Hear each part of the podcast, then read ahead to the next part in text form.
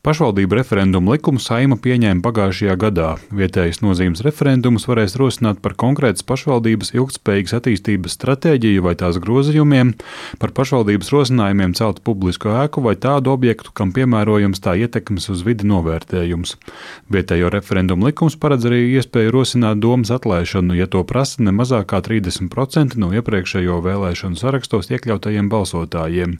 Doma gan nevarēs atlaist gadu pēc tās sanākšanas un gadu pirms pirms tās pilnvaru beigām.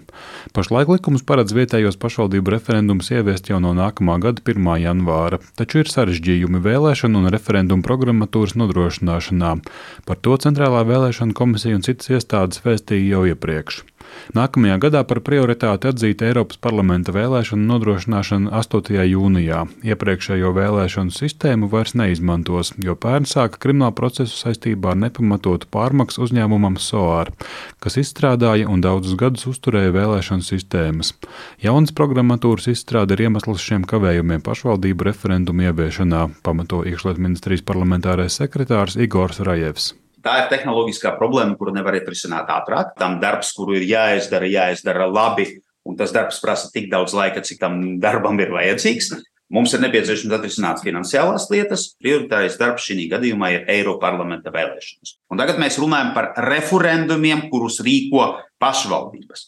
Un tieši par šo lietu arī mēs prasām atlikt termiņu. Jauno elektronisko sistēmu nodrošinās pilsonības un migrācijas lietu pārvalde ar valsts reģionālās attīstības aģentūras atbalstu. Jauno sistēmu nepieciešams rūpīgi pārbaudīt, lai vēlēšanās nebūtu pārsteigumu, piebilst pilsonības un migrācijas lietu pārvaldes priekšnieces vietnieks Uldis Apsītis. Vēlēšanas ir 8. jūnijas. Pati sistēma būs ātrā, bet uh, sistēmai būs nepieciešami veikt visus testus, trīs mēneši kā minimums, kas ir nepieciešams testēšanai. Principā programmatūra tiek plānotas, kad ir gatava darbam no 1. jūnija. Šie sarežģījumi nedrīkstētu kļūt par iemeslu divus gadus atlikt tik ilgi gaidīto vietējo referendumu iespēju, uzsver Latvijas Pilsoniskās alianses pārstāve Līna Austre Putāne. Demokrātija tādā ziņā nevienmēr būs ērtākais variants vai tas labākais variants, ko mēs vēlamies, runājot tieši par to digitālo sistēmu. Tāpēc šobrīd mēs varam rast kompromisu un tiešām to referendumu ieviest arī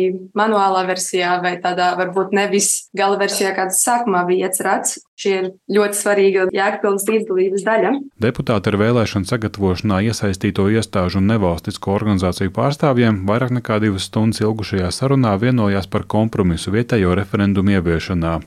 Tos pārcels nevis par diviem gadiem, bet līdz nākamā gada rudenim, stāsta Saimnes valsts pārvaldes un pašvaldības komisijas vadītājs Oļegs Burovs. Kāpēc 1. septembris 24. gads, a ne ātrāk? Protams, prioritāte ir Eiropas parlamenta vēlēšanām. Protams, jebkurai programmai ir primārais tas ir drošība, īpaši mūsu laikos jautājums par kiberdrošību.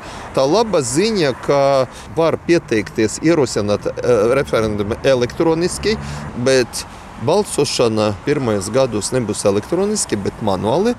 Man tiešām priecē, ka mēs vienojamies un atradam visi kompromisu. Līdz brīdim, kad referenduma norise būs nodrošināta elektroniski, iedzīvotāji tā ierosināšanai parakstus varēs vākt valsts pārvaldes pakalpojumu portālā Latvija LV, bet balsošanu referendumā klātienē organizēs attiecīgā pašvaldība. Balsošanai izmantos papīra zīmes. Šādus priekšlikumus saimnes komisijas sēdē vērtēs trešdien, 1. novembrī. Jānis Kincis, Latvijas radio.